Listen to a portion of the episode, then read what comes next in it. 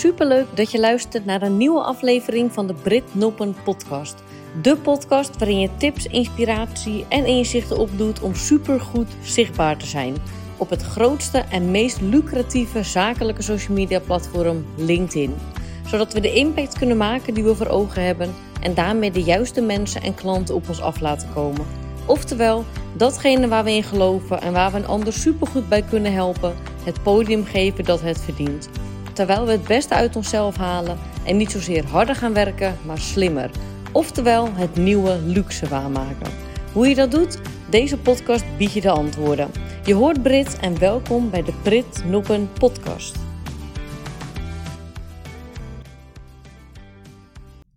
Superleuk dat je luistert naar een nieuwe aflevering van de Brit Noppen podcast. Vandaag en deze week een iets ander format dan je misschien tot nu toe bent gewend.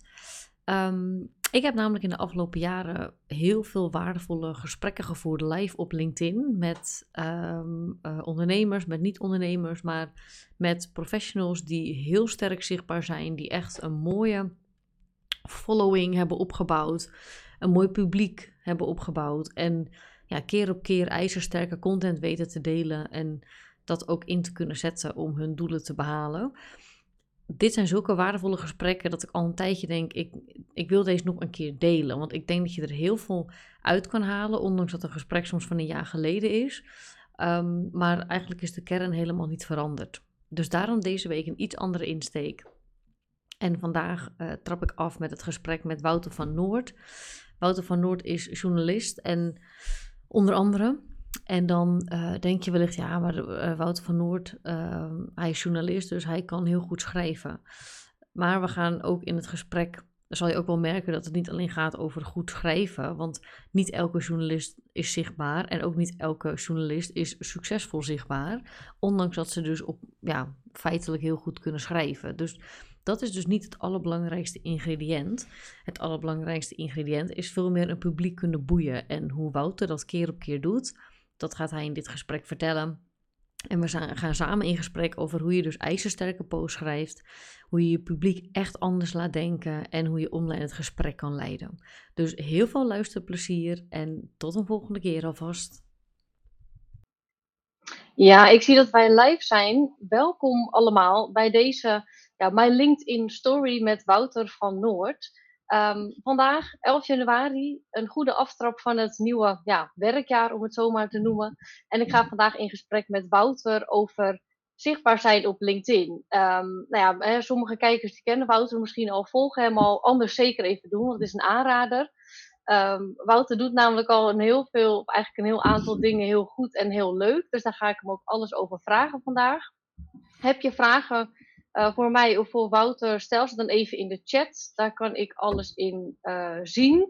En um, ik ga je even voorstellen, Wouter. Van harte welkom hier in deze LinkedIn ja, live sessie. En um, ja, jij bent NRC-journalist, uh, je bent oprichter van Transkent, als ik het goed uitspreek, waarin je ook wekelijks 12.000 lezers ja, eigenlijk meeneemt in um, nou ja, wat een goed leven zou kunnen zijn. Je bent ook um, tech-commenteur bij uh, Eén Vandaag, bij Jinek heb ik gezien. Je bent ook gastdocent bij Leiden University. Echt een heel rijtje zag ik op je LinkedIn-profiel. Volgens mij klopt dat ook allemaal, toch? Ja, nou, de laatste tijd wat minder op televisie, maar uh, ik werk inderdaad bij NRC en schrijf over zingeving en de toekomst. nou, en de laatste tijd valt wel op dat LinkedIn ook wel steeds een belangrijker platform aan het worden is, voor, ook voor mezelf, om ideeën te krijgen en ideeën weer te kunnen verspreiden. Dus, uh, ja, ja, om je visie te vormen waarschijnlijk. Dus dat uh, is een hele interessante. Dus daar ga ik je ook alles over vragen. Dus laten we daar gewoon direct mee beginnen. Um, je bent dus al even zichtbaar op LinkedIn. En ik vind het ook wel heel interessant, want jij bent journalist. Hè, dus je weet hoe je uh, moet schrijven in principe. Maar toch is ook weer niet elke journalist zichtbaar. Dus dat blijft ook wel weer een kunst. Um, dat maakt me ook wel benieuwd van waarom ben jij zichtbaar geworden op LinkedIn en wat levert je op? Nou, voor mij is het echt een plek waar ik, uh, zeker in deze pandemie, uh, doorlopend in gesprek kan blijven met en lezers en mensen uit uh, inhoudelijke netwerken. Mm -hmm. Om ideeën te krijgen, om eigen ideeën te toetsen. om vragen te stellen. En ik merk ook dat dat het beste werkt. Dus de post waarin ik ook zelf nou ja, vanuit een soort van oprechte nieuwsgierigheid vraag naar wat mhm. het netwerk weet. Dat netwerk weet mhm. altijd veel meer dan ik zelf. Dus als je dat probeert te benutten, dan merk je ook dat posts gaan leven en dat mensen eraan willen bijdragen. En dat dus op een gegeven moment ook uh, de verspreiding van zo'n post veel harder gaat. Dus ik begin denk ik bij, nou ja, voor mij is het gewoon een kanaal om zowaar weer echte mensen te spreken en een beetje buiten mijn eigen uh, huiskamertje te komen tijdens die pandemie. En dat werkt eigenlijk best wel goed. Ja, en, en um, eigenlijk geef je hiermee denk ik ook al één belangrijke factor weg als het gaat om die boeiende inhoud. En dat is denk ik ook jouw nieuwsgierigheid, als ik dat zo hoor. Um, en, en ook wel dat je dus heel oprecht daarin staat en die nieuwsgierigheid deelt, wat dus ook weer mensen aantrekt. Wat je netwerk dus aantrekt en waardoor het gesprek eigenlijk opgestart kan worden. Ja, ik denk wel dat dat uh, sowieso, dat is denk ik zo op, op sociale media wel een dingetje, dat je uh, als je dingen doet die niet bij jou passen of die niet oprecht zijn, dat het vrij snel duidelijk wordt, dat mensen dat gewoon doorhebben en zien. En dat voor mhm. mij, uh, dat ik inderdaad merk dat sinds ik ook een beetje meer durf om gewoon al mijn eigen rare nieuwsgierigheid en interesses en, en quirks ook een beetje uh, openbaar te maken, dat dat inderdaad juist wat losmaakt in plaats van dat het mensen afschrikt of dat het. Mhm.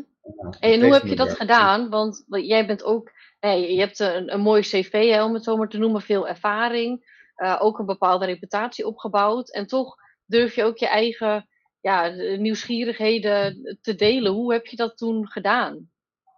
Ja, nou, ik vind eigenlijk ook sowieso dat dat uh, een soort van kern is van het vak wat ik heb. Hè? Dat je nieuwsgierig mhm. bent en dat je ook juist vanuit de positie van niet weten uh, dingen durft te vragen. En wil weten hoe het zit en daarbij probeert te leunen op wat andere mensen weten. Er zijn natuurlijk verschillende stromingen eh, in de journalistiek op dit moment. Dat sommige journalisten hun taak misschien ook wel erg opvatten als uh, dat ze eerst de feiten allemaal op een rijtje moeten hebben en dan uh, andermans feiten gaan checken en dan een afstuk schrijven. Ik denk dat dat een mhm. hele belangrijke methode is, maar dat een deel van wat ik doe toch net iets anders is. Namelijk uh, ervan uitgaan dat ik heel veel dingen niet weet en dat heel mhm. veel volgers en uit het netwerk mensen het wel weten. En op die manier tot, uh, nou ja, ook voor mezelf tot betere kennis komen. En ik zie het maar een beetje als een soort publiek notitieboekje, mm -hmm. dat LinkedIn, om mijn eigen gedachten, mijn eigen vragen te stellen. En daarbij ook niet bang te zijn om ja, te laten blijken dat je dingen nog niet weet. Dat is denk ik een beetje eigen aan mijn vak. Is dat wij de hele tijd over dingen schrijven die we eigenlijk nog niet weten. En daarbij heel erg sterk leunen op wat anderen weten. Ja, precies. Dus eigenlijk is, is uh, ja, sowieso de interactie onder jouw post, hè, dus jouw zichtbaarheid, dat, dat vormt dus ook jouw visie. En dat is dus ook een heel belangrijk onderdeel in jouw vak eigenlijk. Om daarmee ook weer het, juiste werk uh, te kunnen leveren. En het, is ook een feedback loop, hè? want ik merk ook dat ik soms postjes aanpas op basis van wat mensen me teruggeven op een post. Als ik in de reacties ineens uh, krijg van, hé, hey, dit klopt misschien niet helemaal, of heb je hier aan gedacht, dan voeg ik het toe, of dan wijzig ik het. Wel altijd doe dat, probeer ik dat zorgvuldig te doen, dat ik ook die wijzigingen mhm. aangeef. Uh, Maar goed, het, soms is het ook wel een beetje een spanningsveld. Hè. Soms blijkt ook dat als je een vraag stelt, dat het een beetje een naïeve uh, vraag was. Maar ik denk juist dat die uh, kwetsbaarheid en die openheid, en juist als je het gewoon vanuit oprechte nieuwsgierigheid doet en als onderdeel van een soort intellectuele zoektocht zelf ook, dat dat moet kunnen. En uh, ik denk dat dat een deel is van waarom, uh, nou ja, soms sta ik ook echt te kijken over hoe goed bepaalde posters doen en hoeveel reacties erop komen. Ik denk dat die, nou ja, die kwetsbaarheid en die echte nieuwsgierigheid daar wel een rol in spelen. Dat dat een soort, mm -hmm. ja, dat, dat zorgt ervoor dat mensen ook uh, zich geroepen voelen om eraan bij te dragen. Hey, en hoe zorg jij ervoor dat je je eigenlijk niet gek laat maken door al die reacties en hè, misschien om, om het eh, succes aan de buitenkant te noemen, hè, dat het dus door het dak gaat. Je hebt nou ja, regelmatig 1100 reacties, waarschijnlijk honderden duizenden uh, views. Hoe blijf je gewoon een beetje met beide benen op de grond staan? Ja, dat zijn eigenlijk twee verschillende vragen. Hè? Met beide benen op de grond staan of uh, je minder aantrekken van negatieve uh, reacties. hand in hand waarschijnlijk. Wat zijn? Ja, het heeft misschien wel een beetje met elkaar te maken. En om, om met die negatieve reacties te beginnen, ja, die zijn er natuurlijk. En ook in mijn DM of onder een post zullen mensen zijn die nou ja, iets willen afreageren of het gewoon niet eens zijn met de manier waarop ik dingen breng. Probeer er altijd naar te luisteren. Probeer in ieder geval altijd ook in gesprek te gaan mm. met mensen die valide kritiek leveren. Kijk, schelden en zo. En, en dat is een voordeel ook, vind ik, van LinkedIn. Dus dat je als poster heb je best wel wat moderatiemogelijkheden. Dus als iemand gewoon puur zit te schelden of nou ja, uh, dingen... Dan haal je het weg. Ja, dan kan ik het gewoon lekker eh, op de delete klop ploep en dan uh, heb ik er geen last meer van. Nee, maar precies. ik probeer, kijk, dat vind ik ook wel een deel van die taak, juist omdat ik dus vrij open en, en blanco begin. Als mensen dan kritiek hebben erop, vind ik ook wel dat ik daarop moet reageren. Uh, mm-hmm. En ja, soms uh, levert dat weer nieuwe kennis op en soms is dat gewoon een, een wat minder prettig gesprek. Maar ja, dat, dat, in, in die zin, ja, het is een beetje een cliché vergelijking natuurlijk, maar uh, ik zie LinkedIn echt als een, als een groot congres. En zeker nu die mm -hmm. congressen allemaal niet in de echte wereld kunnen doorgaan. Ja, en op een congres zul je ook, uh, zeker als je er af en toe een praatje houdt, zul je ook mensen hebben die het niet met je eens zijn of die achteraf vervelend doen over iets wat je hebt gezegd. Nou ja, dat hoort erbij. En voor mij is het heel erg de moeite waard, omdat ik vooral heel veel positieve input ook krijg en heel veel nieuwe ideeën uit mhm. LinkedIn. Mm -hmm gebeurt me bijna dagelijks dat ik uh, op een artikel of een boek of een podcast uh, wordt ge gewezen over een interessant onderwerp. Wat ik vervolgens weer kan gebruiken in een van mijn nieuwsbrieven of uh, in een stuk voor de krant. -hmm.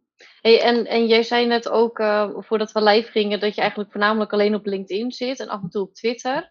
Um, wat brengt LinkedIn jou dat jij, dat jij alleen op dit platform zit? Nou ja, voor mij was het heel erg ik heb uh, in 2017 een boek geschreven. Is daar iemand over hoe de smartphone ons verslaafd maakt en over hoe de grote bedrijven achter die tech-platforms nou ja, door allerlei trucs en methodes ervoor zorgen dat jij verslaafd raakt, dat je de hele tijd blijft terugkomen. Dus ik heb voor mezelf heel duidelijk besloten van ik wil kiezen voor één platform, voor een, een, platform waar ik het meeste aan heb, zowel professioneel als, mhm. als persoonlijk. En ik laat me niet meeslepen door al die verslavende trucjes van al die andere platforms. Je, je kan zitten TikTok en Instagram en Twitteren en uh, LinkedIn en vervolgens nooit meer aan iets uh, productiefs toekomen. Uh, mm-hmm. en dat is heel LinkedIn makkelijk, ja. Ja, en kijk, voor mij, dat is misschien ook een beetje persoonlijk, maar de onderwerpen waar ik over schrijf, namelijk zingeving, duurzaamheid, de toekomst, dat zijn toch onderwerpen die wat natuurlijker passen bij LinkedIn dan op andere plekken ik vind op LinkedIn uh, dat de discussie wat productiever is. Het komt misschien ook omdat mensen een reputatie hebben, onder een eigen naam zitten en een baas kijkt mee. Dus dan zullen ze altijd net iets netter reageren dan als ze dat anoniem met een Nederlands vlaggetje en een tractortje doen op Twitter. Um, dus het is voor mij, is het, ja, ik heb er veel aan voor mijn journalistieke werk. En ik heb dus ook besloten om dat andere, al die andere platforms even links te laten liggen en me te focussen op één ding, omdat ik hier de meeste nut uh, conversaties heb, omdat ik hier eigenlijk ook uh, zelf de, de, de beste verspreiding heb van de stukken en de podcasts die ik zelf maak. Mm -hmm. dus dat is voor mij een beetje de reden dat ik niet andere platforms ook nog daar al mijn tijd aan zitten besteden. Ik besteed al genoeg tijd aan LinkedIn. Ja, nou ja, en over die tijd gesproken, dat brengt me ook bij de volgende vraag. Wat maakt dat jij uh, een keer op keer consistent bent? En volgens mij ben je zelfs wel uh, soms een aantal keer per dag ook zichtbaar met een post. Ja. Toch? Ja, nou, en, dat en is, wat maakt ik, dat... Ik, ik, zie het dus echt als een publiek notitieboekje. En ik heb het geluk dat mijn werk betekent dat ik heel veel mensen spreek, heel veel lees, heel veel uh, kijk, heel veel luister. Um, en uh, dat die notities die ik daarover maak, dat die er beter van worden als ik die publiek deel. Want dan krijg ik er feedback op en dan krijg ik nog andere bronnen aangereikt van mensen die er meer vanaf weten dan ik. Um, dus voor mij is het ook gewoon een reëel onderdeel van mijn werk om uh, dingen te bekijken en te lezen en, en te luisteren. Daar een klein samenvattingje of een notitietje van te maken, zodat ik het later weer kan gebruiken voor een podcast of een artikel. En mm -hmm. uh, het, ja, dat, dat zorgt er dus voor dat ik ook uh, aan mezelf in ieder geval uh, kan verkopen dat ik ook wat tijd doorbreng hier op dit platform. omdat het mijn ja. werk beter maakt en omdat het mijn werk zichtbaarder maakt. En als journalist vind ik dat natuurlijk ook wel een onderdeel van, van je taak is als je dan dingen maakt, dat, dat je ze ook verspreidt. En dat je zorgt dat het een breed publiek bereikt, omdat jij denkt dat het belangrijk is. Ja, jij hebt het dus echt wel helemaal geïntegreerd in je werk en ook vanuit het idee van ik word hier beter van, hè, de wereld wordt hier waarschijnlijk een stukje beter van, mijn werk wordt hier beter van, dus eigenlijk wordt alles Ja, er beter kijk, van. En, tege- en tegelijkertijd eh, eh, eh, moet ik ook wel zeggen, natuurlijk heeft dat platform ook iets verslavends. En Mhm. nou ja, de- dezelfde trucs die Facebook en Twitter verslavend maken, die hebben ze ook lekker op LinkedIn toegepast.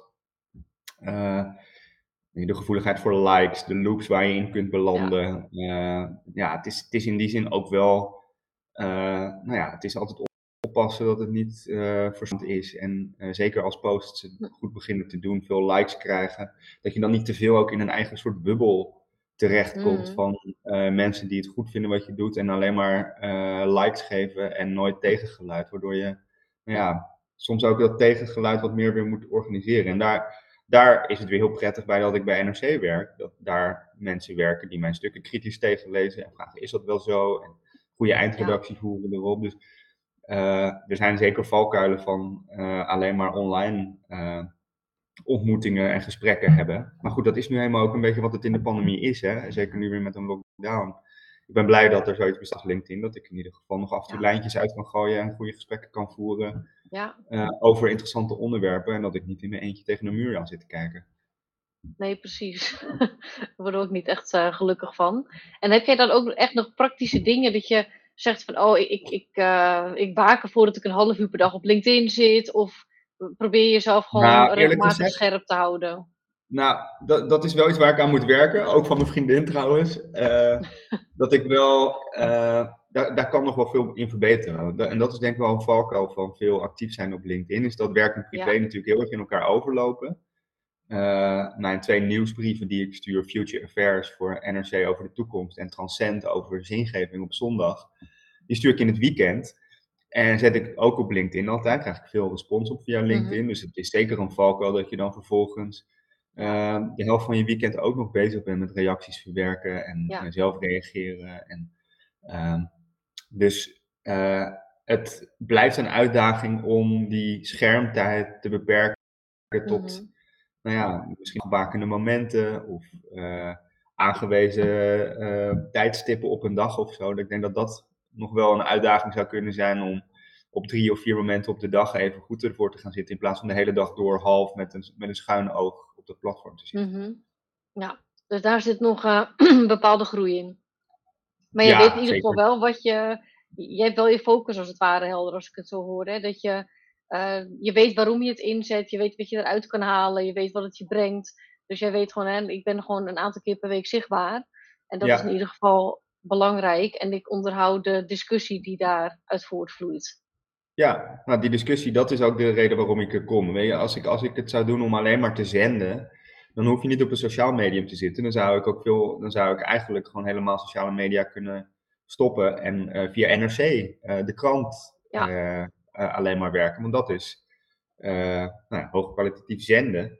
Alleen ik zie, Ja. het- ja, zeker nu is het toch belangrijk om input te blijven houden. En eh, om dat gesprek gaande te houden. En uit dat gesprek en uit die interactie, uit dat netwerk, uit die eh, nieuwe relaties die er ook uit kunnen komen. eh, ja, merk ik dat ik scherpere ideeën krijg en, eh, en een beter beeld van wat er aan de hand is in de wereld op bepaalde onderwerpen. Ja. Ik zit trouwens een beetje Ja. te snotteren, want ik heb hooikoorts. Het is eh, een beetje irritant. maar- Eh, nog niks van gehoord. Gelukkig krijgen we er Nee. niks van mee. Ehm, eh, even over de inhoud eigenlijk van jouw post. Hè, en, en ook als het gaat om mensen anders laten denken. Want dat is natuurlijk wel echt een kunst om voor elkaar te krijgen als je mensen anders kan laten denken. Hè. In, in welke vorm je dat dan ook graag wil. En natuurlijk het liefst in de meest positieve vorm.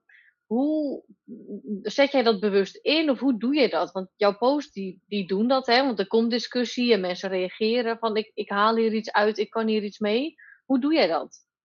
Ja, ook daar probeer ik heel intuïtief te zijn. En gewoon te, delen wat mij anders doet denken. Dat, dat, dat vind ik ook gewoon zelf het meest interessant. Eh, ideeën die mij echt anders doen kijken naar mezelf, of anders naar de toekomst, of bepaalde maatschappelijke ontwikkelingen. Eh, komt denk ik ook een beetje dat veel van waar ik over schrijf en post, dat gaat over ehm, de grote systeemveranderingen die er nu gaande zijn. En ook wel een beetje vanuit de aanname dat heel veel manieren van leven die we nu hebben, manieren van organiseren, manieren van met de natuur omgaan en met onszelf omgaan, dat die eh, een beetje op zijn einde lopen. Dat, er, dat de manier waarop we nu dat allemaal regelen, dat dat uh, straks niet meer kan. Om heel veel redenen. Omdat we er zelf ongelukkig van worden, omdat het slecht is voor de planeet.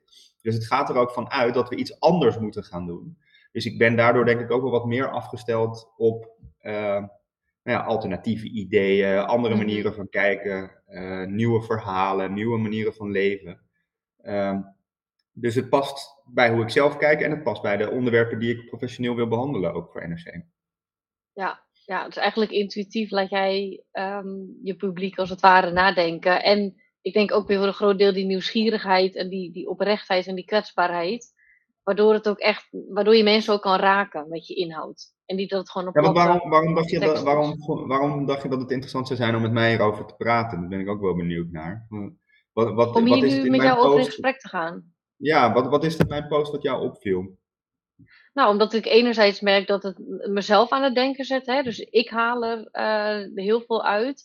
Maar ook vanuit mijn vak gezien zie ik dat jij net de beelden weet uit te kiezen die echt opvallen. Die echt eh, impact maken. Hè? Bijvoorbeeld die post bij Uitgelicht op je profiel. Over de, de Over het Eh, ecosysteemherstel. Ja, weet je, dat Ja. soort beelden. We kunnen van alles zeggen over het ecosysteem. Maar jij weet dan net dat, dat beeld te pakken en de tekst te plaatsen. Waardoor je echt aan het denken wordt gezet. En nou ja, ik niet alleen. Ik zie aan je interactie en de discussie dat er nog veel meer mensen zijn. Dus Ja, maar Dat dat is dus wel, dat is interessant, want daarin ben ik dus, dat, dat zijn ook typisch posts waarin ik echt een soort doorgeefluik ben van wat via eh, eh, mijn DM's of via de interactie of de reacties onder posts tot mij komt. En dan bekijk ik dat, dan check ik dat en dan geef ik het eigenlijk vrij ongefilterd door. Echt als een soort van node in een, in een netwerk. Ik krijg heel veel aangeraakt en ik deel daarvan ook weer een beetje uit. En eh, ik denk dat dat misschien ook wel. ehm, ik leun heel erg op andere mensen. Ik, ik leun totaal op wat, wat mensen mij geven aan interessante beelden en plaatjes en, en podcasts en boeken. want Ja. jij gaat daar niet zelf naar op zoek. Het is echt wat jij binnenkrijgt en dat deel je. Ja, het is wel een beetje van beide. De- wa- Wat meestal, hoe het meestal gaat, is dat ik iets binnenkrijg. En dat ik dan denk van, hé, hey, dit is interessant. En dan ga ik even verder zoeken en kijken. En dan weet ik in ieder geval ook wat gerichter te zoeken of zo. Mhm. Ehm, nou ja, en dan is het, vind ik wel, eh, eh, mijn taak als journalist dat ik dingen voordat ik ze eh, online kwart, dat ik ze even check. Check of het klopt, of dat het niet totale onzin is, of uit, uit verdachte hoek komt, of dat er een rare politieke agenda achter zit. Eh, maar de kern is dat het eigenlijk altijd dingen zijn die niet van mijzelf zijn. Nee, Ik ben zelf helemaal niet een hele, hele diepe, originele denker over zaken. Ik denk, ik denk dat ik wel een goed neusje heb voor mensen die dat wel zijn. En ik probeer die te verbinden met het publiek wat inmiddels mijn posts volgt. Dus ik probeer daar echt een soort, nou ja, weer, eh, het woord media is dat eigenlijk, hè? Dat, dat je in het midden staat. Eh, Ja, ik, probeer, ik probeer die taakopvatting van journalist zijn ook een beetje eh, over te brengen in mijn LinkedIn-posts.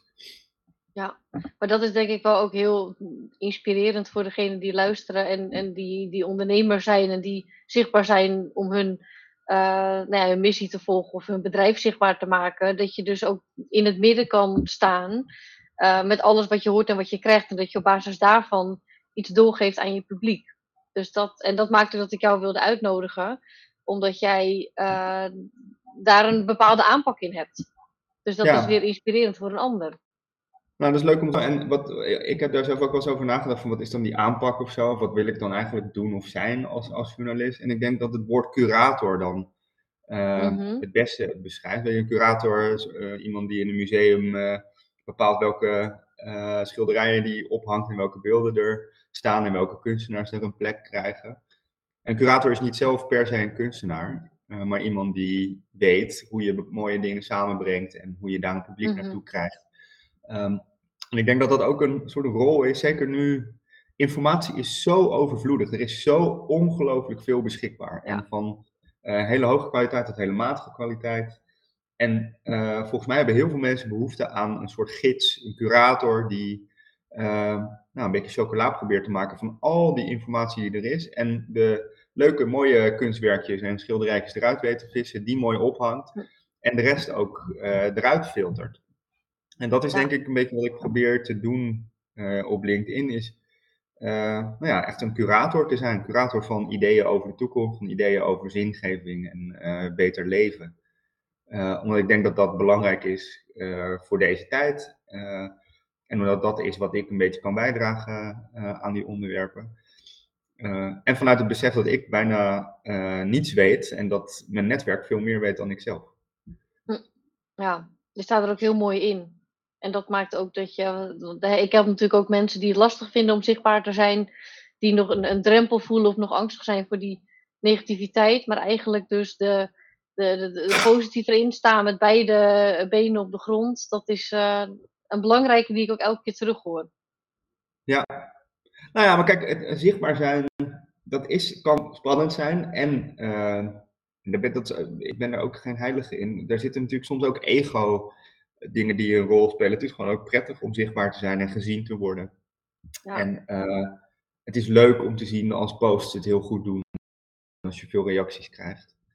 Maar ik probeer altijd wel, uh, en dat lukt vast niet altijd, maar altijd na te denken, draagt het nou iets bij aan die discussie? En maak ik inderdaad gebruik van die positie uh, van curator? Help ik? Mm -hmm. het, is, het is ook in goede post denk ik dat je andere mensen helpt. Dat je andere mensen in het zonnetje zet, andere schilderijen ophangt dan alleen maar je eigen.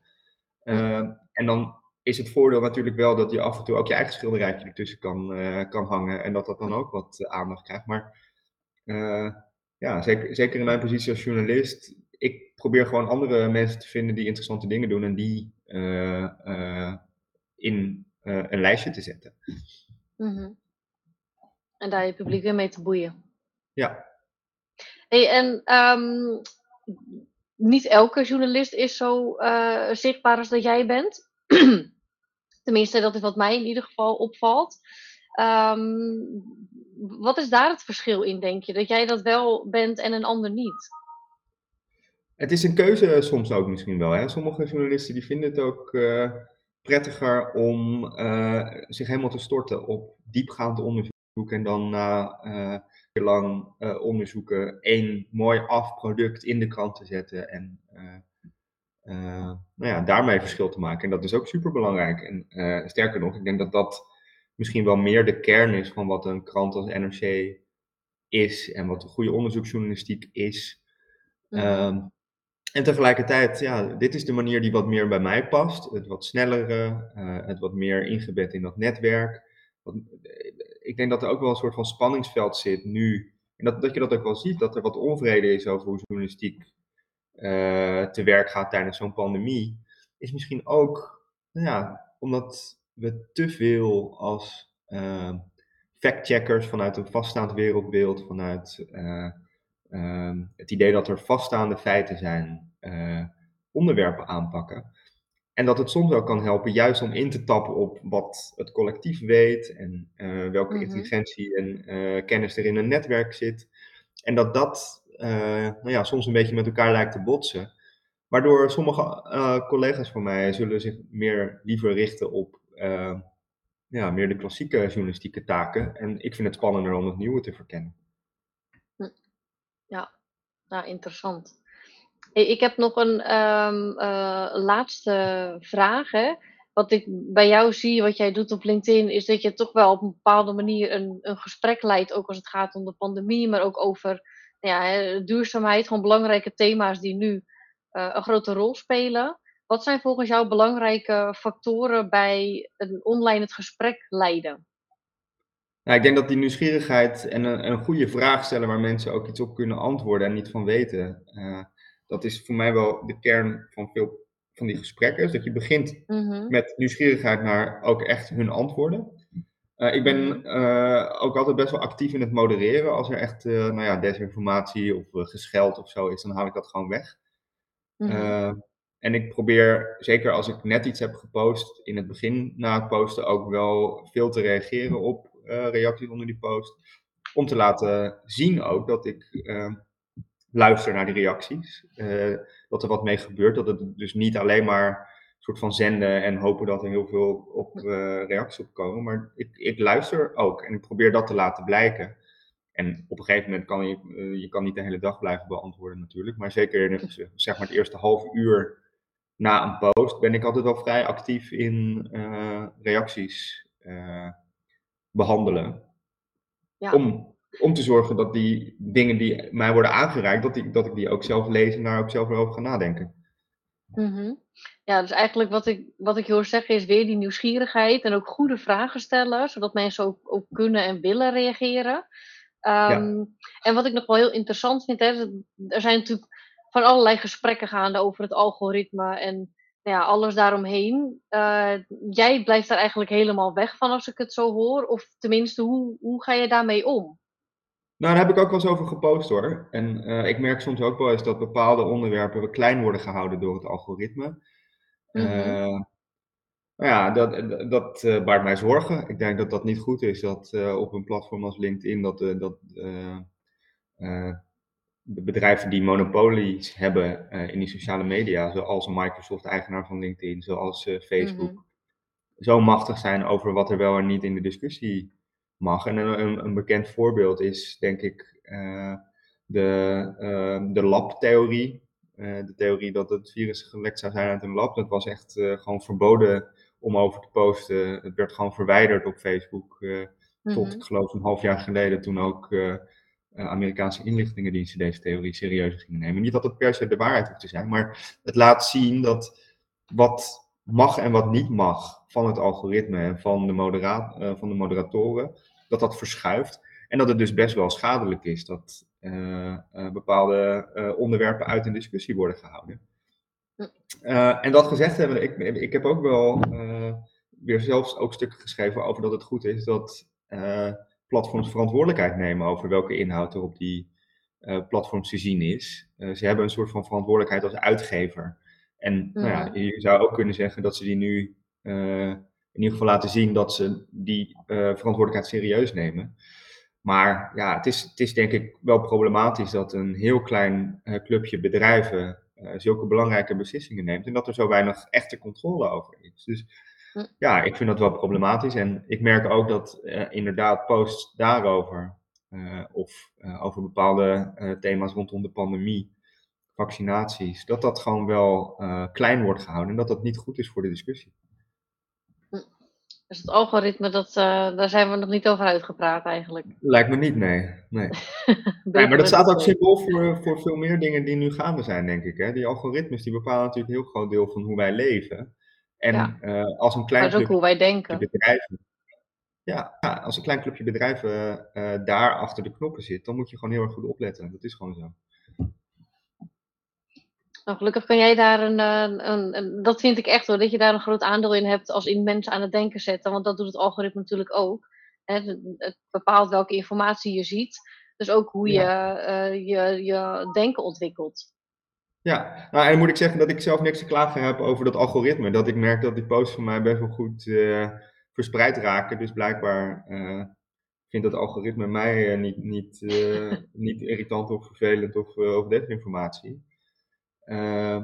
Maar ja, ik hoor, ik hoor ook van veel andere mensen dat het voor hun anders is. En dat als zij kritische dingen posten of vraagtekens zetten bij ja, de grote vragen van nu, zoals coronabeleid, dat dat klein wordt gehouden. En ja, kijk, ook daarin circuleert veel desinformatie, dus valt er soms wat te zeggen voor ingrijpen. Maar dat mhm. een bedrijf als Microsoft zulke macht heeft, ik denk dat je daar wel een grote vraagteken bij moet zetten.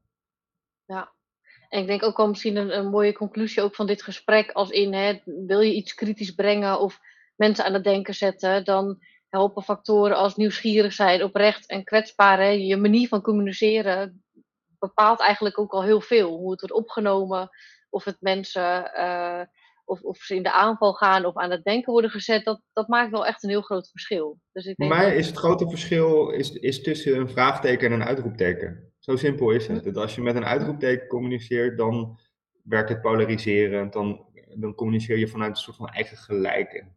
Graaf je alleen maar dieper in. En wat ik probeer te doen, is eigenlijk vooral met vraagtekens te werken. Van is het zo? niet, niet vanuit van ik stel slechts vragen. Uh, want dat kan soms ook een excuus zijn om desinformatie te verspreiden, maar dan met een vraagteken erachter. Ja, dat, dat is denk ik niet de goede manier om te doen. Maar als je het inderdaad vanuit oprechte interesse doet en vanuit, hé, hey, dit is toch eigenlijk raar uh, zolang je er een vraagteken achter zet in plaats van een uitroepteken, denk ik dat het in ieder geval meer gesprek losmaakt dan dat het mensen boos maakt. Ja, mooi. Vind ik een mooie conclusie. we gaan de, de live sessie afronden. Um, tien uur geweest. Ik wil je heel erg bedanken voor je input en voor het verhaal. Ik vond het leuk om te doen. En, ja, ik ook. We gaan elkaar uh, weer op de tijdlijn zien. Zeker. Graag zien elkaar, Brit. Bye bye. Hey, fijne dag, Wouter. Hoi, Jij hoi. ook. Superleuk dat je luisterde naar deze aflevering. Ik ben natuurlijk benieuwd wie je luistert, dus stuur me vooral een berichtje op LinkedIn met wat je eruit hebt gehaald. Uiteraard ben ik daar regelmatig te vinden. Vond je de aflevering een aanrader? Schroom dan niet om het door te vertellen, zodat de juiste mensen dit kunnen horen en ook kunnen groeien. Dankjewel alvast en heel graag tot een volgende keer.